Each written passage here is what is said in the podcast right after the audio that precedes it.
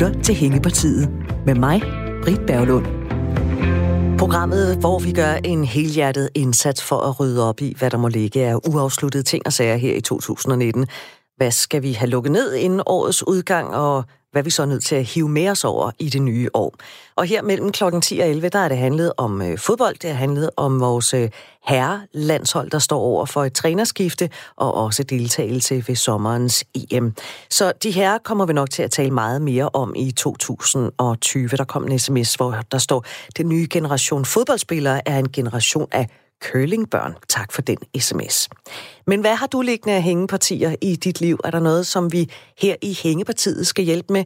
Så er det jo således, vi har et taskforce. Vi har fire raske mennesker, der er klar til at hjælpe dig, hvis du altså har et hængeparti. Og det kan være inden for økonomi, det kan være inden for sådan uh, husholdning, uh, skråstreg mad, det kan være et gør-det-selv-projekt, eller hvis du har brug for et tip til, hvordan du bedst får sagt noget til et andet menneske, ja, så skal du bare ringe, så sørger vi for, at du kommer til at tale med enten økonom Carsten Ingman Jensen, mad- og kagedronning Rosa Kildal, handyman Kuno Bonner eller retoriker Mette Højen.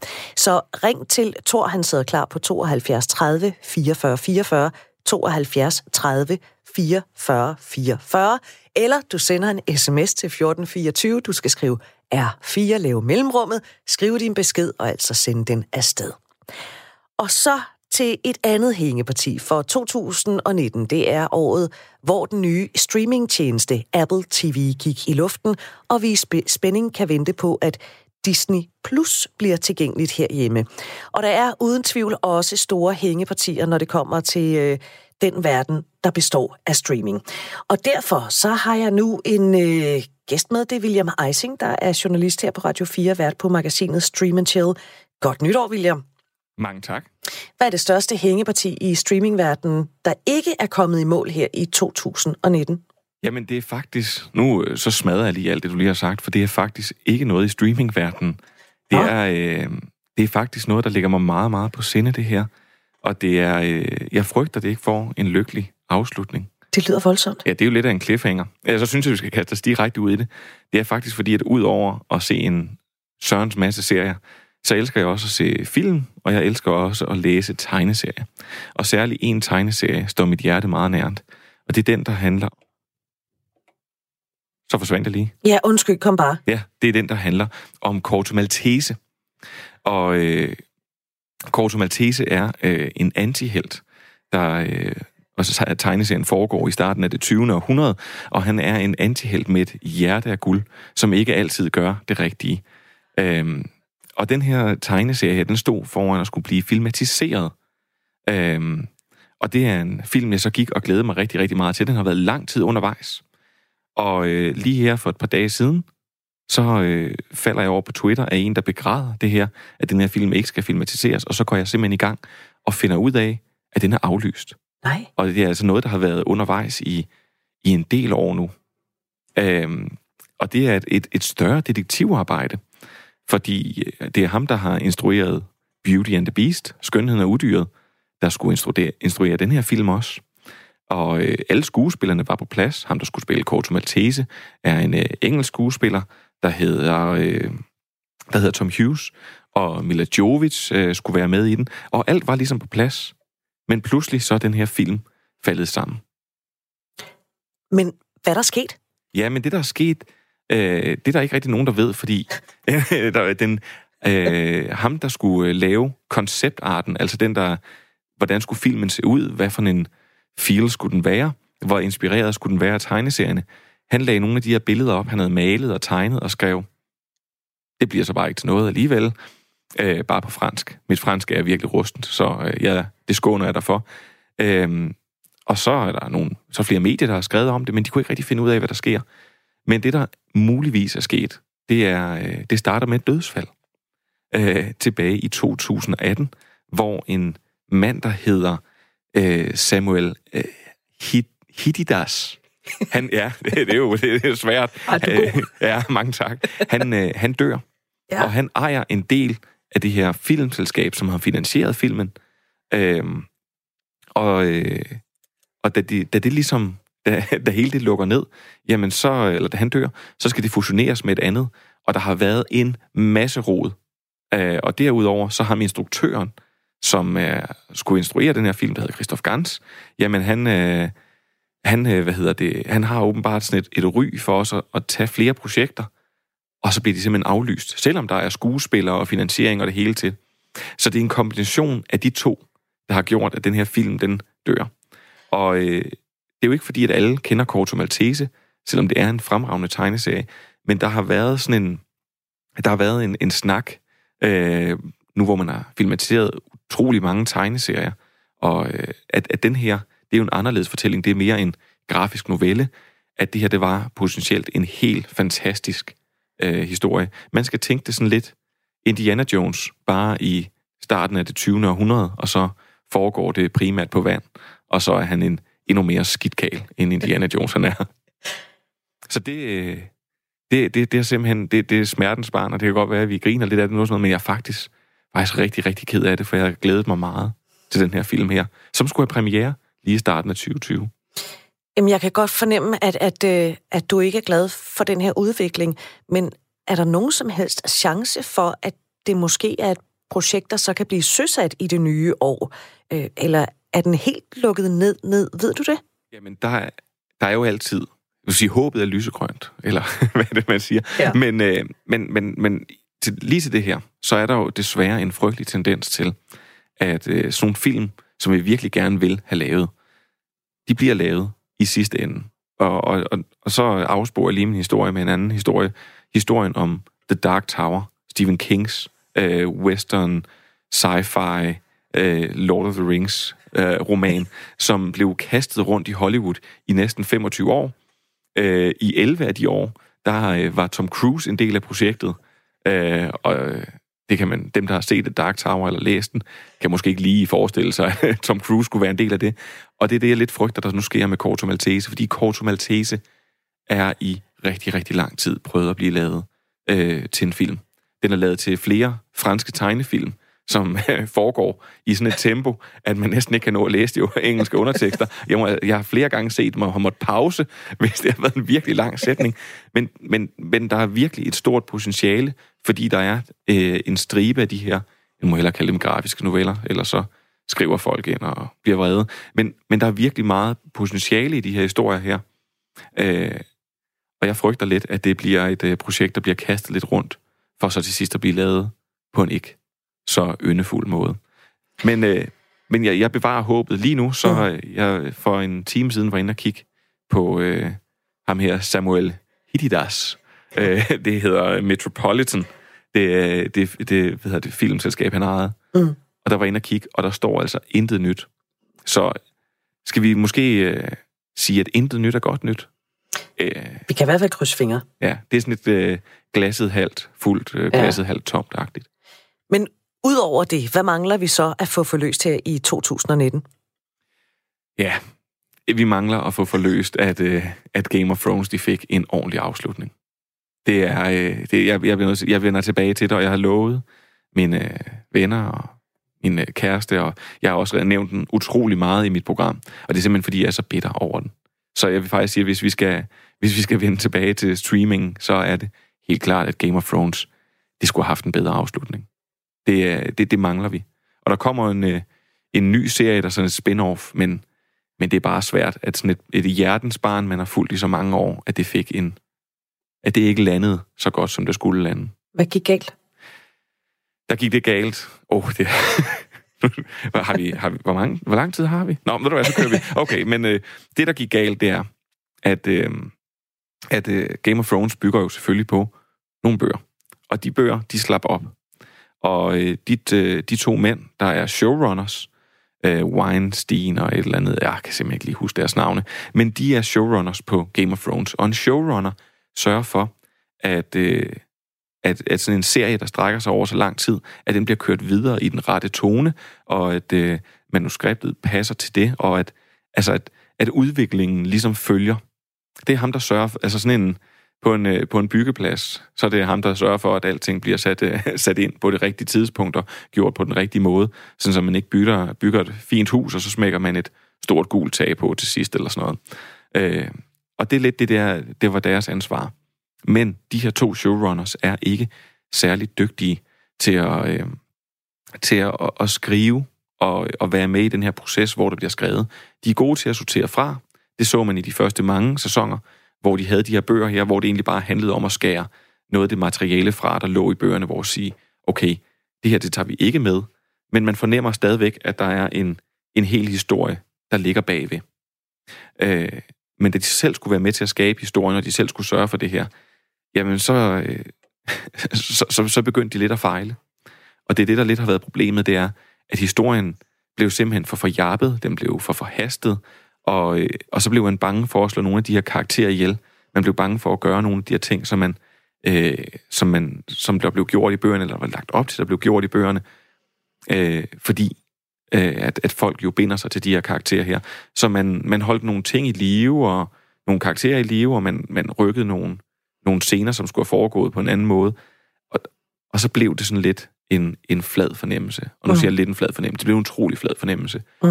Og faktisk har de her to herrer gjort det så skidt, er rygtet, at øh, udover at de har en lang aftale nu med Netflix, hvor de skal være showrunner på alt muligt, jamen så øh, var det faktisk også meningen, at de skulle have lavet tre Star Wars-film. Men det har Disney lige pludselig sagt, eller de gik selv ud og sagde, de er to showrunners, at det kommer vi ikke til at gøre, øh, fordi vi har simpelthen så travlt, så travlt, så travlt. Der må jeg bare sige, der er min tese, at man siger ikke nej til Disney. Man siger ikke nej til at lave Star Wars. Øh, det er kun én mand, der kan gøre det. Det er Harrison Ford, og det kunne han så ikke engang helt sige nej til alligevel. Og der må jeg bare sige, at, at det virker som en det virker som en sang for de varme lande. De har simpelthen, de har simpelthen ikke landet Game of Thrones godt nok til at kunne få lov til at lave Star Wars. Så det er det, er det vi mangler.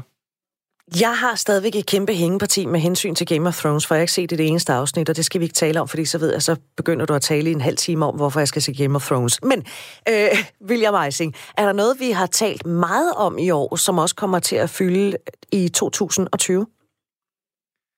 Ja, øh, det er jo, nu, nu, nu siger du, hvad vi har talt meget om. Altså, det er jo altid sådan en... Øh, det, det er jo sådan en, en, en, en vid, en, et vidt begreb, fordi mine forældre, de, øh, de kommer også ligesom dig, skulle jeg sige, og siger, det der Game of Thrones, er det noget? Øh, jeg tror, øh, og, og, og, og sådan, er det jo, sådan er det jo blevet lidt, at, at nogen, for sent som mig, så tænker jeg, ej, det er old news, nu har der været et eller andet ude i en, i en uge, så har jeg det allerede set, og jeg er videre til bigger and better things. Øh, så jeg, jeg, jeg tror, at, øh, at det vi kommer til at snakke meget om næste år, og som, vi har, som der er blevet snakket lidt om i år, det kommer til at være Disney+. Plus. Øh, jeg vil godt øh, gøre, det, gøre folk en tjeneste nu og sige, der, at, øh, at, at Disney Plus kommer måske til Danmark den 31. marts. Men sidste gang, at jeg snakkede med Disney, der sagde de, at Danmark er altså ikke på den liste, som flere medier ellers har antydet, at de skulle være. Så og... måske får vi det. Og når vi får Disney Plus, så får vi jo en, et sted, hvor alle Disney-filmene er samlet, men vi får også en af de måske bedste serier fra i år, som vi ikke har fået lov til at se i Danmark. Så lige nu så taler jeg kun ud fra, hvor meget hype der har været om det, og det er Star Wars-serien The Mandalorian. Og når den kommer til Danmark, så kommer det til at fylde rigtig, rigtig meget.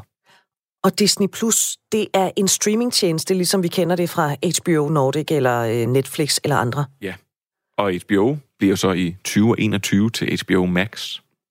Ja, og, der, og så bliver den også vildere. Det he, jeg tror det her, altså nu siger jeg, jeg tror, det her streaming-cirkus her, det kommer til at eksplodere meget. Altså hvis vi har synes, det har været vildt indtil videre, så bliver det bare vildere. Altså, når Amazon Prime i 2021, det, så, vil, oh, så springer vi lige et, et, sådan et halvanden, to år ud i tiden, når de kommer med deres Lord of the Rings-serie, mm. som indtil videre har kostet, nu skal jeg lige huske, er det fire eller fem gange så meget, som de tre Lord of the Rings film kostede at producere. Så meget koster serien bare den første sæson. Når den kommer, altså, det, det, det, det bliver jo gigantisk. Så, så vi har ikke vi har ikke set det vildeste endnu. Vi har ikke engang, altså hvis det her det var Mount Everest, så var vi ikke engang ved første basecamp eller sådan noget. Vi er, der er lang tid til, vi er oppe i øh, dødszonen og kommer op på toppen. Altså det, det, bliver, det bliver kun vildere. Og det, og det starter allerede næste år, når Disney Plus kommer. Det kommer vi virkelig til at snakke meget om. William Eising øh, er serienørd og vært på magasinet Stream and Chill, som du kan høre her på Radio 4. William, til allersidst, er der noget, vi har talt alt for lidt om, når det kommer til streaming? Ja. øh, der, er, der, er, der er én ting, og det er, øh, det er måske, øh, efter min mening, og også de øh, deltagere, jeg havde i mit panel, nu, øh, nu smadrer jeg lige mit eget program, der bliver sendt den 2. januar, ved at afsløre, hvad der ligger på andenpladsen på vores bedste serie øh, i det her årti. Det er serien Atlanta, som ligger på Viaplay. Og den er simpelthen så fremragende. Det er en øh, dramedie, døbte øh, min gæst øh, Andreas Halskov det. Og, øh, og det er en, den leger med følelser og den måde, som den bygger tingene op. Det er en, øh, det, det er en serie, som, som har fået meget hype i udlandet. Men sådan en ligesom serien Fleabag, som vi også først begyndte at snakke om i år, øh, da den egentlig sluttede, ja, så er Atlanta et, altså en kæmpe, kæmpe serie. Og den skal folk snakke meget mere om, og det er hele grunden til faktisk at have Viaplay. Det skulle bare være for at se den serie. Der ligger også mange andre gode ting derinde, men den serie er simpelthen så utrolig god. Så mens vi render og snakker om Game of Thrones og House of Cards og Stranger Things og The Witcher og hvad der ikke er, så burde vi egentlig kun snakke om Atlanta. Altså, den burde vi snakke om først, fordi den er simpelthen så god. Så hvis man ikke ved, hvad man skal lave den 2. januar, eller den 1. januar, den 1. januar kan man så se Atlanta, og den 2. januar kan man så høre mit program, hvor vi snakker om Atlanta, og hvor vi øh, øh, tager den sidste halvdel af vores top 10 for året og tidets bedste serie. Og hvor mange afsnit kommer den i? Jamen, den, øh, den, der kommer mange afsnit, øh, tror jeg. Fordi ham, der laver, problemet er, at ham, der laver serien, han har så utroligt travlt med at lave alt muligt andet. Det er Donald Glover. Han laver både musik og stand-up og instruerer film og skuespiller. Og, jamen, altså, han, han laver alting, og han gør alting rigtig, rigtig godt. Og det er det, der er problemet. Så lige nu er der to sæsoner derinde, og jeg tror, at den første sæson har en, en, øh, en 8-10 afsnit, og det har den anden sæson også. Men der kommer både en tredje og en fjerde sæson, måske på et tidspunkt. Mm. Den tredje sæson kommer måske i 2020. Så der er, øh, der er masser at glæde sig til generelt i 2020. Det lyder sådan, William Eising. Tak, fordi du vil fortælle om det her. Og så vil jeg ønske dig et rigtig, rigtig godt nytår. Jo, og i lige måde.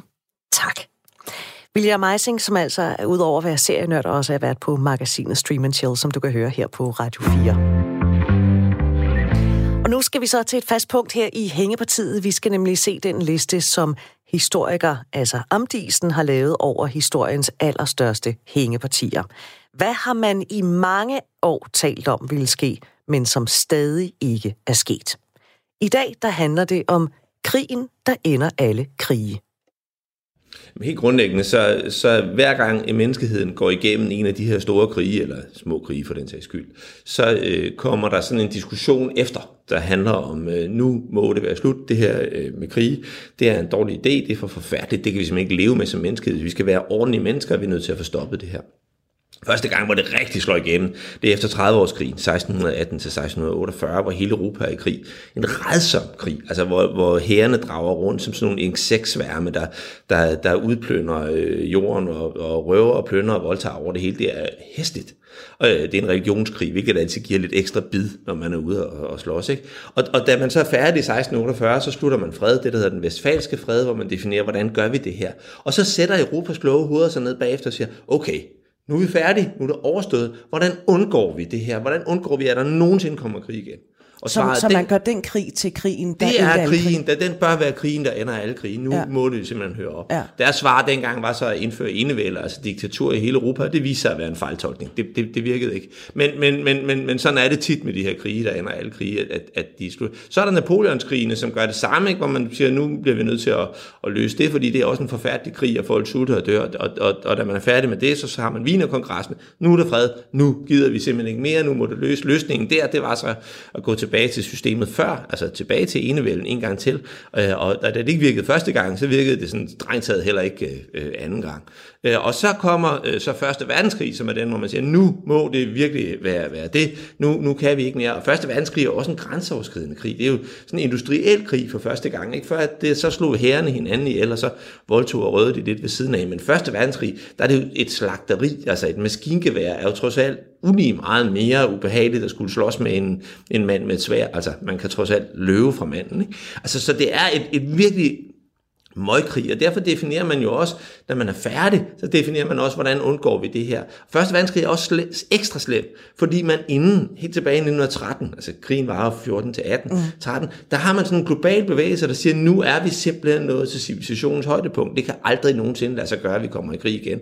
Og så lige pludselig, så starter den der krig, som dybest set starter på grund af et uheld og lidt uheldige alliancer, og lige pludselig uden nogen helt rigtig opdager, hvad der er, der sker, så står der 4 millioner mennesker og slår hinanden ihjel øh, for, for fuld hammer derude. Ikke? Og folk er jo jublende lykkelige. Da krigen, første verdenskrig starter, så jubler folk i hovedstaden Så nu skal vi ud og slås. De vælter ud til fronten, de har en fest. Altså, fordi det her, det kan jo ikke tage mere end 14 dage. Fire år senere, hvor folk er døde øh, af sygdomme og ubehag og druknet i mudder og øh, har et rotter for at overleve, mens de lå i skyttegravene og blev bombarderet med lattergas, altså med, med sennepsgas. Der, der, der, var festen ligesom på en eller anden måde lidt anderledes. Og så laver man jo så den store fred i Versailles, og siger, nu skal vi have den her, nu det her må være krigen, der slutter øh, alle krige. Og for at være sikker på, at man øh, kan få det her til at virke, så beslutter man sig for, at vi er i hvert fald nødt til at sørge for, at tyskerne aldrig nogensinde kommer op til overfladen igen, og derfor pålægger man så store krigsskadeerstatninger.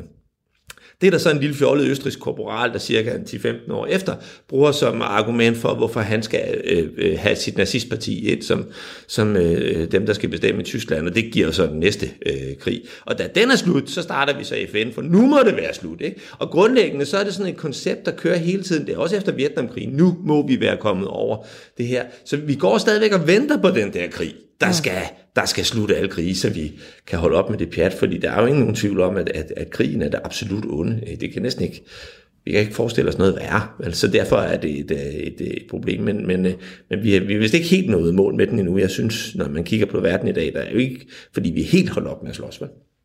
Dengang man så drog i krig i 1914, 15, 16, 17, 18, mm der er jeg sikker på, at man ikke har sagt til, hvis man var øh, øh, en, der drog i krig, så sagde man ikke til sin familie, nu drager jeg ud i Første Verdenskrig. For man vidste jo ikke, der ville komme en anden. Det har jo bare været en krig. Troede man seriøst på det tidspunkt, det her, det kan være krigen, der ender alle krige? Ja, det troede man, det, fordi det er bare et spørgsmål om at få afklaret, hvordan ja. magtbalancen var. Altså, man kaldte det ikke Første Verdenskrig. Man kaldte, I England kalder man det stadigvæk ikke Første Verdenskrig. Det er et, et kontinentalt udtryk. Der, derovre der kalder man om The Great War. Ikke? Og det blev den kaldt allerede dengang, fordi det var så voldsomt. Altså, det var jo stort set alle unge mænd, der kom ud og blive slagtet der. Men det er jo klart, at man har jo ikke haft den der forestilling om, nu gør vi det, men det har, man har haft forestillingen om, at nu bliver, det her det er bare den sidste krusning øh, på krigshistorien, som skal til for, at civilisationen nu endelig, nu kan videnskaben og omtanken og medmenneskeligheden tage over, og så kan vi slippe for, for, for krigshandlinger fremadrettet. Da man nåede til 2. verdenskrig, så havde man jo så nummer på, ikke? Jo. Men, øh, men det er, og i dag taler vi faktisk om 30-årskrigen som den 0. verdenskrig, fordi den faktisk i lige så høj grad som 1. og 2. verdenskrig var sådan en, en, en kæmpe event. Man kunne med garanti have gjort rigtig mange ting anderledes. Du har allerede sådan øh, nævnt noget af det. Hvad ville være det mest markante, man kunne have gjort anderledes, så det var, eller en af dem var blevet krigen, der endte alle krige? Jeg tror måske, man skal prøve, at, hvis man skal løse det her problem med krig, så skal man overveje, hvorfor starter krigen egentlig? Altså, i stedet for at, at overveje, hvem der vinder den, og hvem der skal vinde for, at man vinder. Det er jo ikke, det er jo ikke fodboldkampe, det her. Det, det er mere et spørgsmål om, hvorfor kommer man egentlig op og slås? Og der, og der giver de jo gode eksempler, de her krige, når vi, når vi sådan følger dem. Ikke? Hvorfor, hvorfor kommer man egentlig op og slås i, ved, ved 30-årskrigen? Det gør vi, fordi at der er religiøse uenigheder, og alle parter i krigen er, er, er enige om, at Gud holder med dem, og så kan man jo ikke finde ud af det på anden måde, end ved at slås færdigt. Og Gud har tydeligvis ikke kunne bestemme sig, eftersom det tog 30 år at blive færdig med den krig. Ikke? Hvis vi rykker op til Første verdenskrig, hvorfor kommer man op og slås der? Jamen det gør man af nationalistiske årsager. Det er fordi, man mener, at vores nation er bedre end alle de andre, så det må være vores nation, der har ret til at, at, at bestemme. Øh, og, og da man ikke fik løst det, så fik man så også 2. verdenskrig i, i, i, i, i anden bølge. Ikke? Så det er jo noget med at kigge på årsagerne til krig, og det er næsten altid, at man mener, at der, hvor jeg står, den person, jeg er, og de holdninger, jeg har, de er per definition bedre end det, alle de andre har. Og derfor har jeg ret til at bruge vold til at gennemtvinge mine synspunkter. Og man kan sige, den grundlæggende indstilling til verden, den har vi jo stadigvæk, når vi sender øh, øh, øh bombefly ned for at og, og pædagogisk overbevise øh, folk nede i, øh, i Syrien eller Libanon om, at, at vi har ret, så har det jo stadigvæk den grundlæggende indstilling. Vores opfattelse, mit verdensbillede, må være så sandt, at jeg har retten til at slå andre ihjel for at tvinge det igennem. Og jeg tror, hvis vi skal løse problemet, hvis vi skal holde op, faktisk få den krig, der afholder alle krige, så den krig, vi skal tage, det er krigen med os selv. Krigen om ikke at føle os så overbeviste om vores egen fantastiskhed, at vi, øh, at vi øh, bliver, føler os berettiget til at bruge vold for at udbrede det til alle andre. Så vi skal være mere lydhøre over for andre mennesker også? Jeg tror at dybest set, at vi skal starte med at være en lille smule, øh, hvad hedder det, sætte spørgsmålstegn ved, ved os selv. Det, det er fordi de andre mennesker... Men altså, det er jo ikke rart. Nej, det er ikke rart. Men det, men det er en af de ting, der måske skal... Det er jo også derfor, det aldrig bliver til noget. Altså, det, menneskeheden har været op og slås hele tiden, og det er fordi, vi hele tiden bliver ved med at være overbevist om, at de andre må være idioter, og vi er meget klogere. Ikke? Men, men, men det er rigtigt, det er en, en, en, en, en, ikke nogen nem proces. Men, men vi kan også bare sige, at prøver, vi kan ikke løse det. Altså, og, og det er jo fint nok, så bliver vi ved med at være et hængeparti, det der med den øh, krigen, der slutter alle krige. Og, og så vil vi blive ved med at have krig, og det gode ved det, det er, at menneskeheden har en forbløffende evne til at, at genoprette sig selv bagefter. Ikke? Så, så slår vi 10 millioner ihjel, eller 20 millioner ihjel, og heldigvis så er der jo både mænd og kvinder tilbage, og vupti, så, så er de 10 millioner øh, født igen. Vi skal bare være klar og være villige til at tage den, øh, betale den pris, som, øh, som, øh, som det koster. Hvis vi gerne vil ende ende det, hvis vi gerne vil stoppe det, så skal det ikke være nogen andre, der gør det. Så er det os selv, der skal forandre Men kan man ikke sige, fordi nogle af de krige, der foregår i øjeblikket, det er jo også på grund af religion.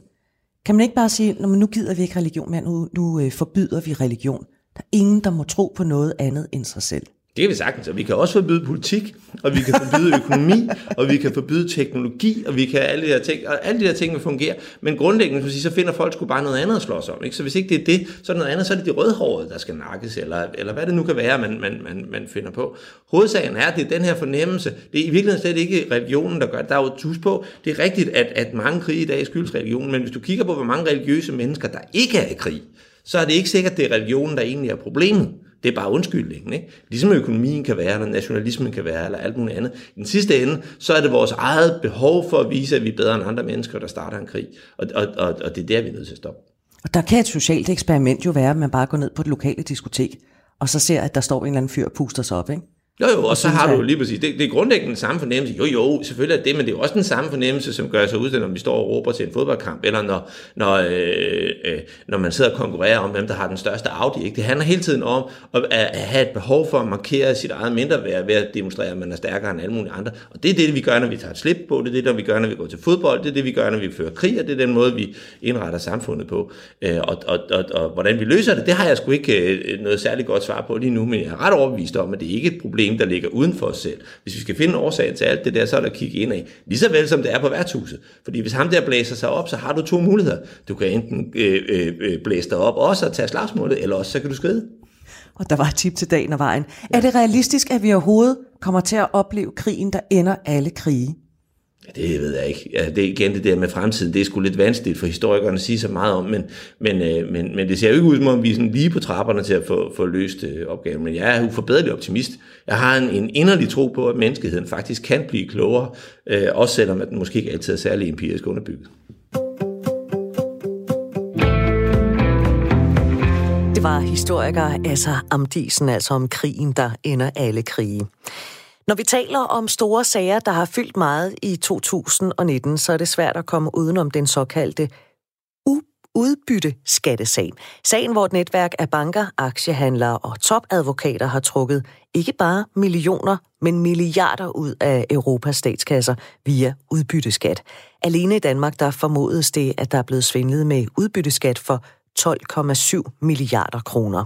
Det er en kompleks sag, der kan være svær at finde hoved og hale i, og derfor så har jeg ringet til nogle absolut kompetente kræfter, nemlig Thomas Svaneborg, der er journalist på Dagbladet Børsen, og en af journalisterne bag DR-dokumentaren Mændene, der plyndrede Europa. Velkommen til Hængepartiet, Thomas. Tak for det. Hvis man har tabt tråden i udbytteskattesagen, kan du så lave et kort oprids af, hvad det nu er, at den sag den går ud på? Jeg skal prøve. Øhm, som du ganske rigtigt sagde, så er det jo en øh, sag, som ikke kun har ramt Danmark, men som har ramt øh, rigtig, rigtig mange lande i Europa. Måske helt op til 18 forskellige lande. Så derfor så er det ikke bare øh, den største sag om økonomisk kriminalitet i Danmark, det er måske den største sag om økonomisk kriminalitet i hele Europas historie. Lige nu der regner vi med, at det måske har kostet de europæiske statskasser op til 500 milliarder kroner. Beløbet sådan svinger meget, og det er sådan lidt ligesom at måle elastik i metermål. Det er sådan lidt svært at anskueliggøre, men det er, det er voldsomme summer, det drejer sig om. Og det er grundlæggende en øh, fidu, som er udviklet tilbage i 2005-6 stykker af nogle banker og nogle advokater i fællesskab, og som man så, øh, de, det her netværk af advokater og banker, så har tilpasset forskellige landes øh, øh systemer og lovgivninger. Og i 2012 blev, øh, var hullerne lukket i blandt andet Tyskland i en grad, så de her svindlere begyndte at kigge op mod Danmark.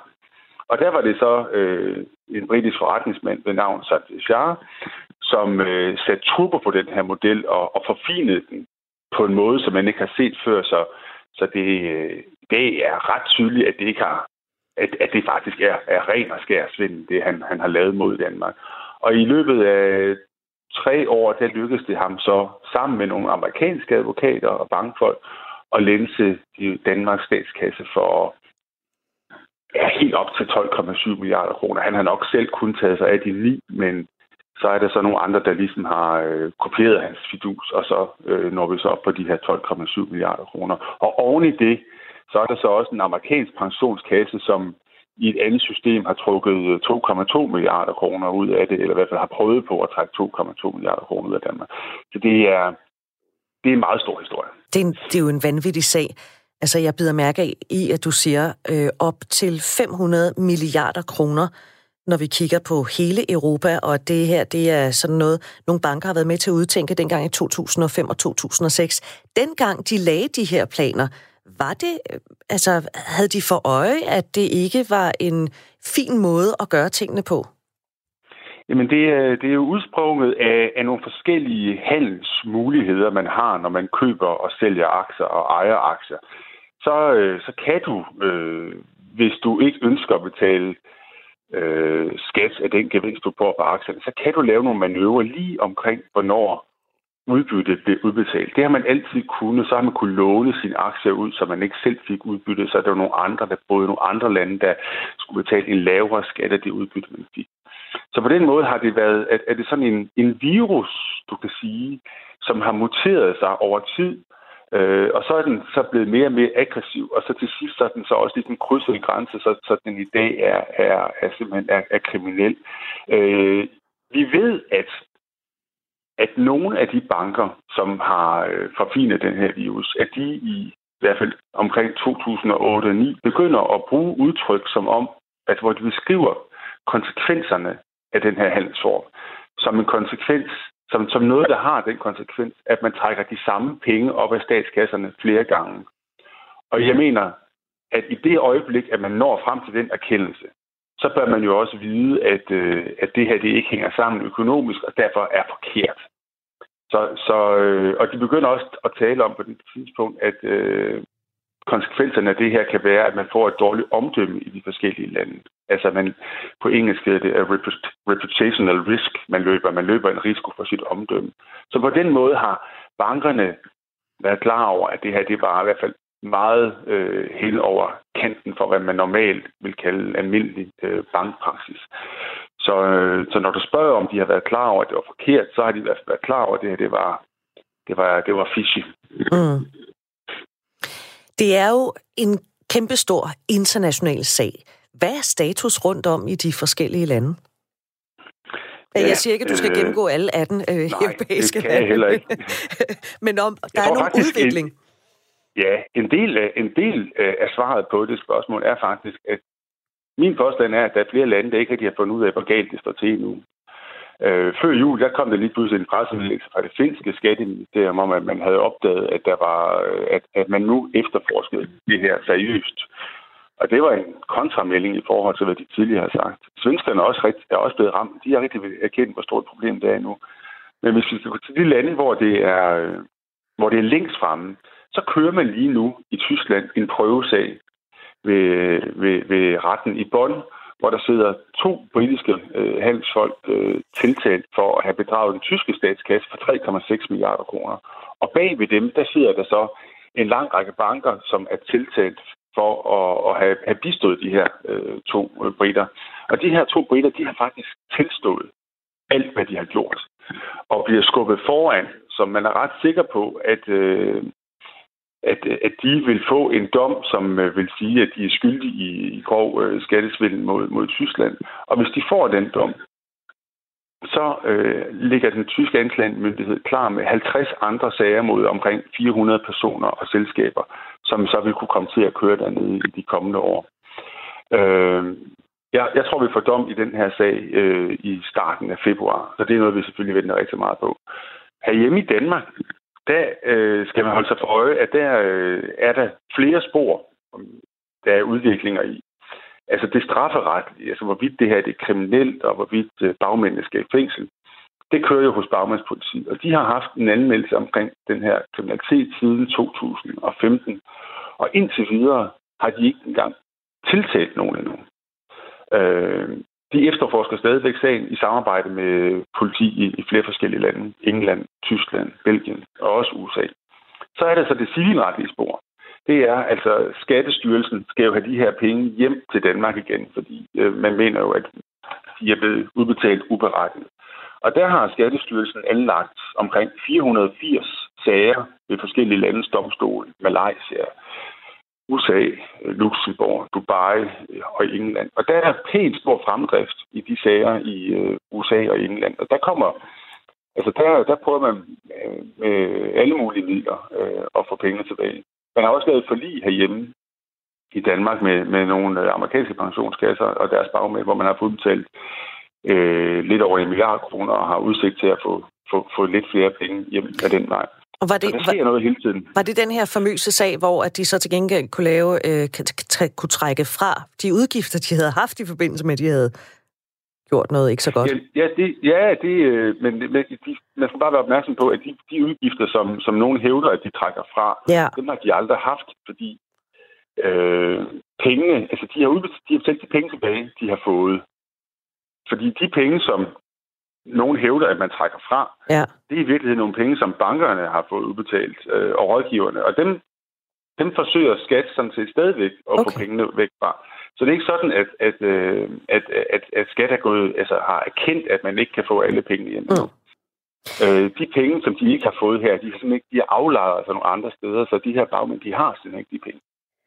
Denne her sag, som du øh, fortalte om ved retten i Bonn, som øh, du forventer, der kan falde dom i her i, i løbet af de første par måneder af det kommende år.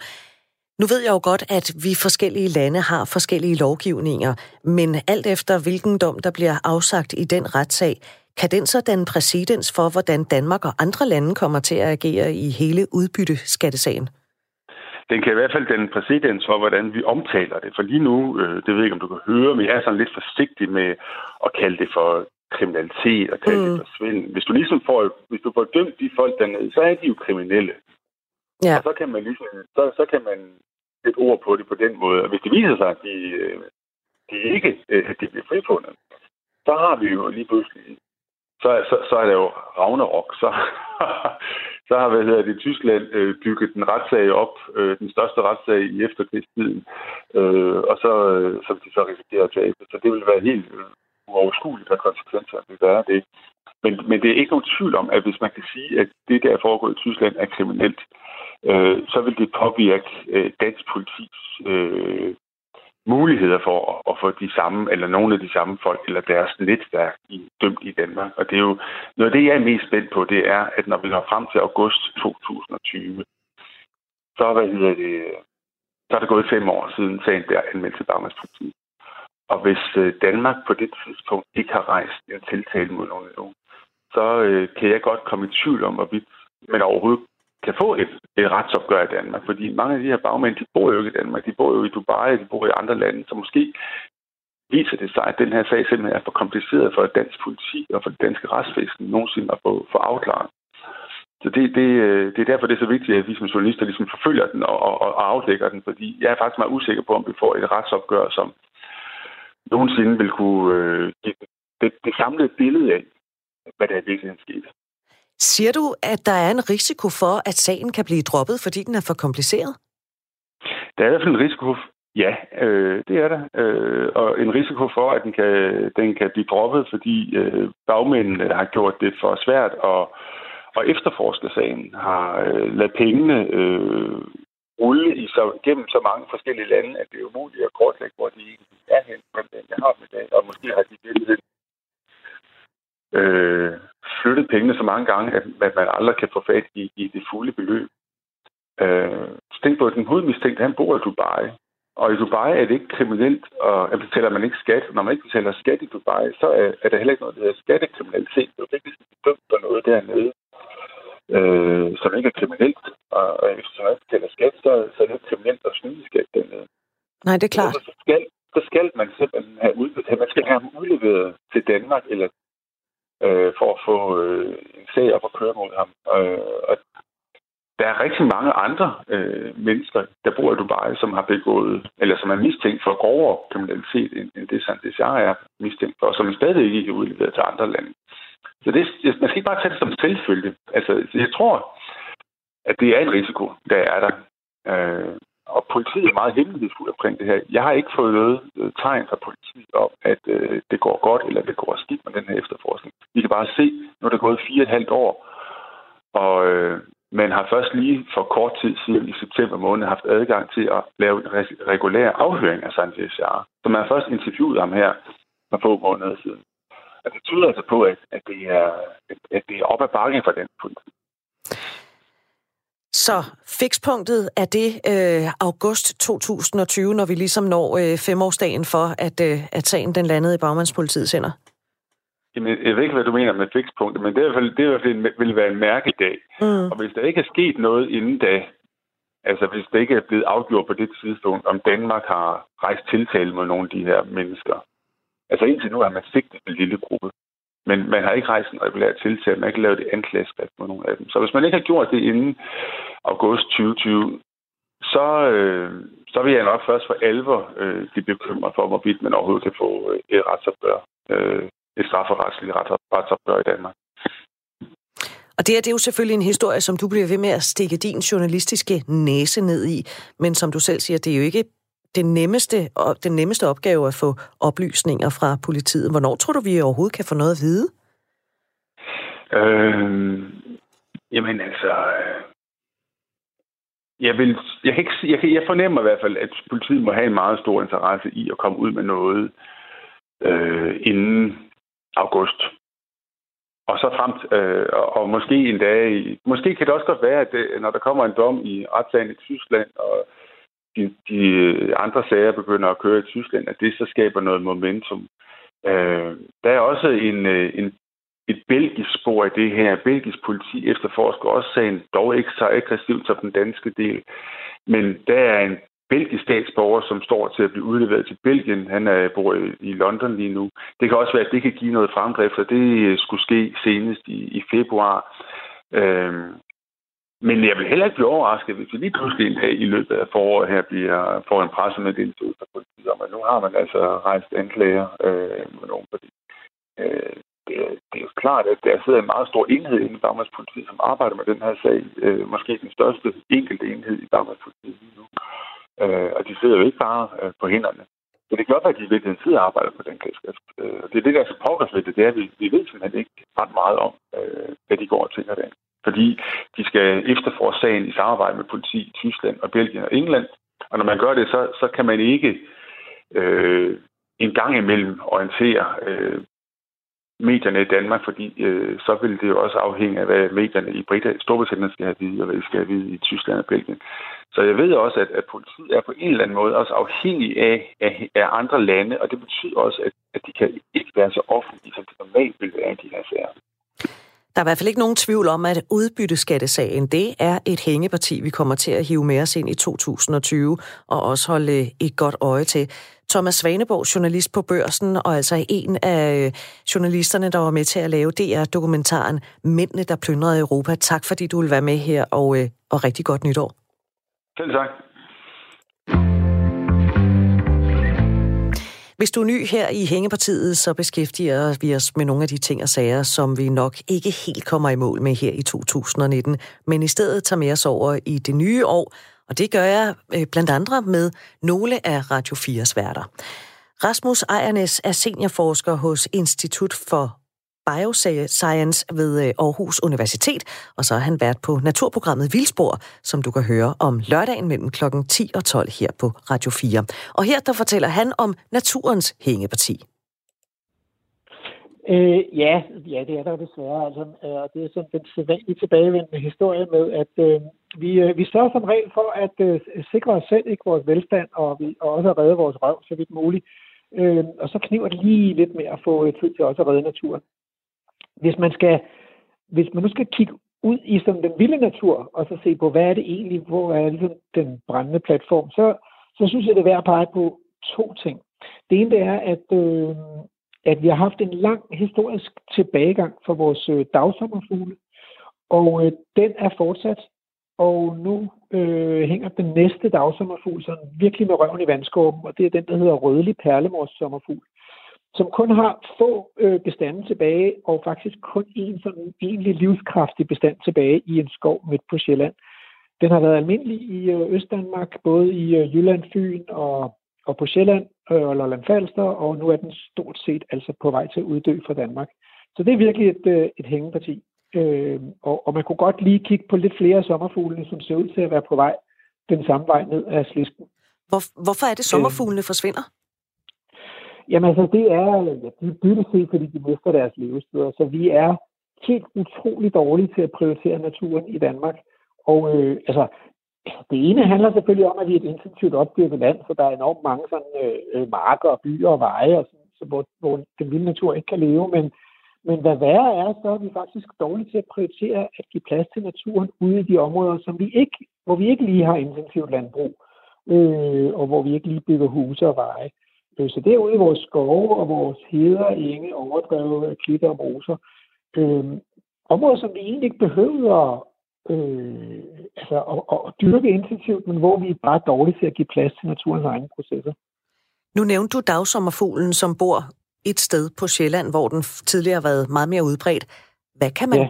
hvad kan man gøre for at redde den? Og kan vi gøre noget? Altså, kan vi nå det?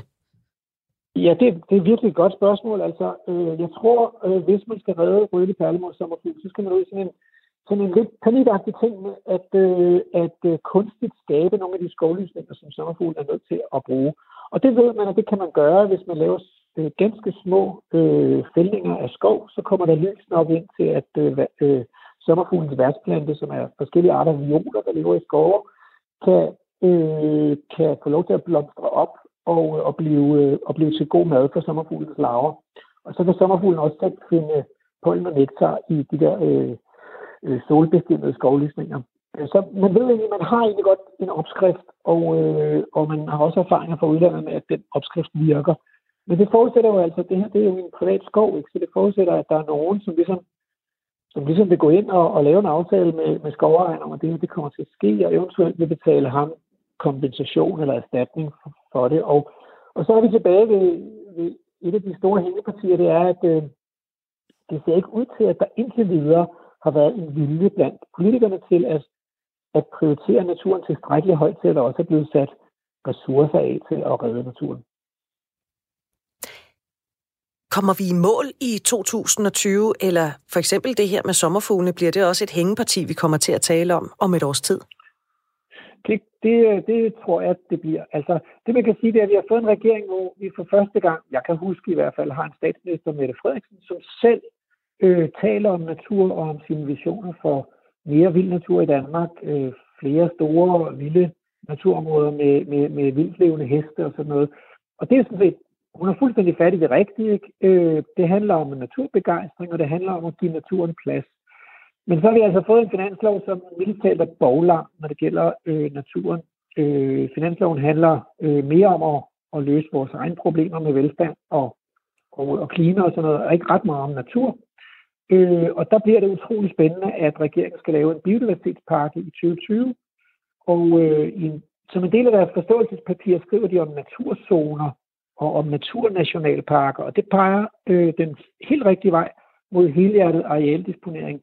Altså nogle steder, hvor vi vælger at sige, her har naturen første ret, her er det ikke øh, mennesker, der bestemmer. Vi må gerne komme på besøg, men det er, de er altså reserveret til natur, de her områder i Danmark. Så nogle mangler vi. Og øh, hvis det skal blive til virkelighed, så skal politikerne øh, have mandsmod øh, og mandshjerte nok til at, øh, at vedtage noget lovgivning, som kan få det til at ske, og at afsætte nogle ressourcer, sådan at de her områder, der i dag er, hvor der i dag er nogle mennesker, der har forskellige typer af privilegier, at de kan blive købt fri til naturen. Det koster lidt penge. Tror du, at øh, politikerne har så meget hår på brystet, at der rent faktisk kommer handling øh, bag de her gode øh, intentioner? Åh, oh, altså, jeg håber det virkelig. Og, øh, og hvis man skal være meget optimistisk, så kan man sige, at, at politikerne er de sidste 10-20 år blevet meget, meget bedre til at tale seriøst om natur og, og biodiversitet. Så det peger i den rigtige retning. Omvendt har de indtil videre overhovedet ikke udvist nogen former for rettidig omhu eller ansvar, når det gælder natur og biodiversitet.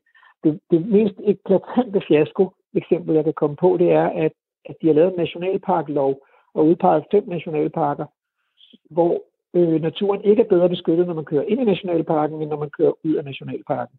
Så det er øh, ren hat og briller og, øh, og falsk øh, varebetegnelse. Rasmus Ejernes, er der noget, som vi har talt om meget i 2019, men som vi også kommer til at høre mere om i 2020? Ja, er du rigtig klog. Vi har talt mega meget om ulv. Øh, der er sket det. Altså, øh, det er faktisk sådan i hele verden, at vi mennesker har været vanvittigt gode til at udrydde alle store landlevende pattedyr. Altså, det er jo sådan noget som ulve, men det er jo også løver og giraffer og elefanter. Og det er, dem har vi udryddet, fordi de er bare utrolig besværlige at dele pladsen med. Øh, men men nu, nu er det som om, at vi har slækket lidt på den der intensive bekæmpelse, og så vender nogle af dem tilbage. Øh, vi har fået kongeørn og, og havørn ynglende i Danmark igen. Og så må ikke også, der så pludselig kommer en ulv ind, og, og i kølerne på den en guldsjakal. Øhm, og vi har nogle vildsvin, som vi, som vi forsøger at udrydde, men de vil også rigtig gerne ind, fordi Danmark er et dejligt land at bo i, også for vildsvin. Øhm, så jeg tror, at noget af det, vi kommer til at tale om også i 2020 og i årene fremover, det er, øh, hvordan skal vi øh, finde en måde at leve fredeligt på sammen med de her store dyr. Og, øh, og der er jo den positive side af det her, at de er jo ikke kun besværlige som nogle store dyr, de er jo også dybt, dybt fascinerende. Øh, og tænk engang at kunne, kunne komme ud i dansk naturområde og så tage en selfie med, med en gruppe vildsvin med små grislingebasser der, eller, eller en, en stor bison, der står i skovlysningen, eller, eller måske en ulv, hvis man er rigtig heldig. Men, men Rasmus Ejernes, der er jo også mennesker i vores land, der bliver plaget af for eksempel ulven. Er det her ikke bare survival of the fittest? Altså, vi har fundet ud af, hvordan vi kan slå dyr ihjel, også på lang afstand, så derfor så gør vi det. Det har de endnu ikke fundet ud af. Men, men det er jo præcis derfor, vi kommer til at tale om det. Ikke? Fordi så har vi normalt løst de her konflikter, ikke? vi har sat mennesket først. Så det er alt har handlet om, at, at der skal være, skulle være plads til mennesker. Men, men, men essensen er jo, at, at, at vi behøver ikke længere at, at kæmpe for den der plads. Vi har fået pladsen, og vi har fået velstanden, og noget af det, som nu, hvad kan man sige, så mange danskere i dag oplever som en del af et liv med, med høj kvalitet øh, og høj velfærd, det er jo også, at man har en vild og spændende natur, som man kan komme ud og opleve. Og folk er jo villige til i dag at betale det hvide øjnene for at, at, at flyve ned på safari øh, i Afrika eller besøge en, en stor nationalpark i USA. Så, så jeg tror, at, at det bliver simpelthen en del af det at, at have et rigt menneskeliv i fremtiden, at vi også skal komme nogle steder hen i Danmark, hvor der er øh, vild og mangfoldig natur, og hvor man faktisk kan tage på safari eller ekspedition og se nogle, og se nogle store dyr også. Og hvor vi måske retter ind efter naturen, i stedet for den hele tiden skal rette sig ind efter os. Ja, hvor det også er på besøg, altså hvor vi er gæster. Ja. Det aller sidste spørgsmål, jeg har til dig, Rasmus Ejnes. Er der noget, vi har talt alt, alt for lidt om, når det kommer til naturen? Ja, altså, øh, altså det, det er i virkeligheden helt utroligt nemt, når det kommer til naturen. Øh, det handler om, hvor meget plads er vi villige til at give. Og det har vi stadigvæk talt for lidt om. Så man løber øh, storstilet om, øh, den plads, som man påstår at have givet til naturen derude. Øh, man kalder det fredskov, eller beskyttede naturområder, eller Natur 2000-områder, eller nationalparker, men dybest set er der ingen af stederne, hvor vi, hvor vi har været, altså hvor vi sådan hele hjertet har givet pladsen væk til naturen. Så, så øh, hvad kan man sige, den målestok, man burde måle øh, regeringens naturambitioner på, burde være, hvor mange procent af det danske landareal øh, er vi generøse nok til at overlede til naturen, hvor naturen har første ret. Og, øh, og det har vi talt for lidt om. Det har vi talt for lidt om. Det mener altså Rasmus Ejernes, der er seniorforsker hos Institut for Bioscience ved Aarhus Universitet, og også er vært på naturprogrammet Vildspor, som du kan høre hver lørdag her på Radio 4, det er mellem klokken 10 og klokken 12. Så fik vi vinget af, hvad der er naturens hængepartier. Vi har også øh, hørt lidt om krigen, der ender alle krige. Det er også et hængeparti. En krig, man har talt om i mange år, vil komme, men som endnu ikke er kommet. Det var historiker Asser Amdisen, der fortalte om den. Og mellem klokken 10 og 11, der handlede det om herrelandsholdet i fodbold. En øh, ny landstræner er legnet op og skal tage over efter slutrunden til sommer-EM, hvor vi jo altså også er kommet med. Så der fik vi også vinget af, at vi har et hængeparti der. I morgen, der er det årets aller sidste dag. Hængepartiet er så her selvfølgelig fra klokken 10. Og skal du nå at have fikset et hængeparti, så smid en sms. Vi tjekker den hele tiden. Du skal skrive øh, R4 som det første, lav et mellemrum, og så skal du skrive, hvad dit hængeparti består af, og så skal du sende den til 1424. Programmet er produceret af Pibesource Productions for Radio 4.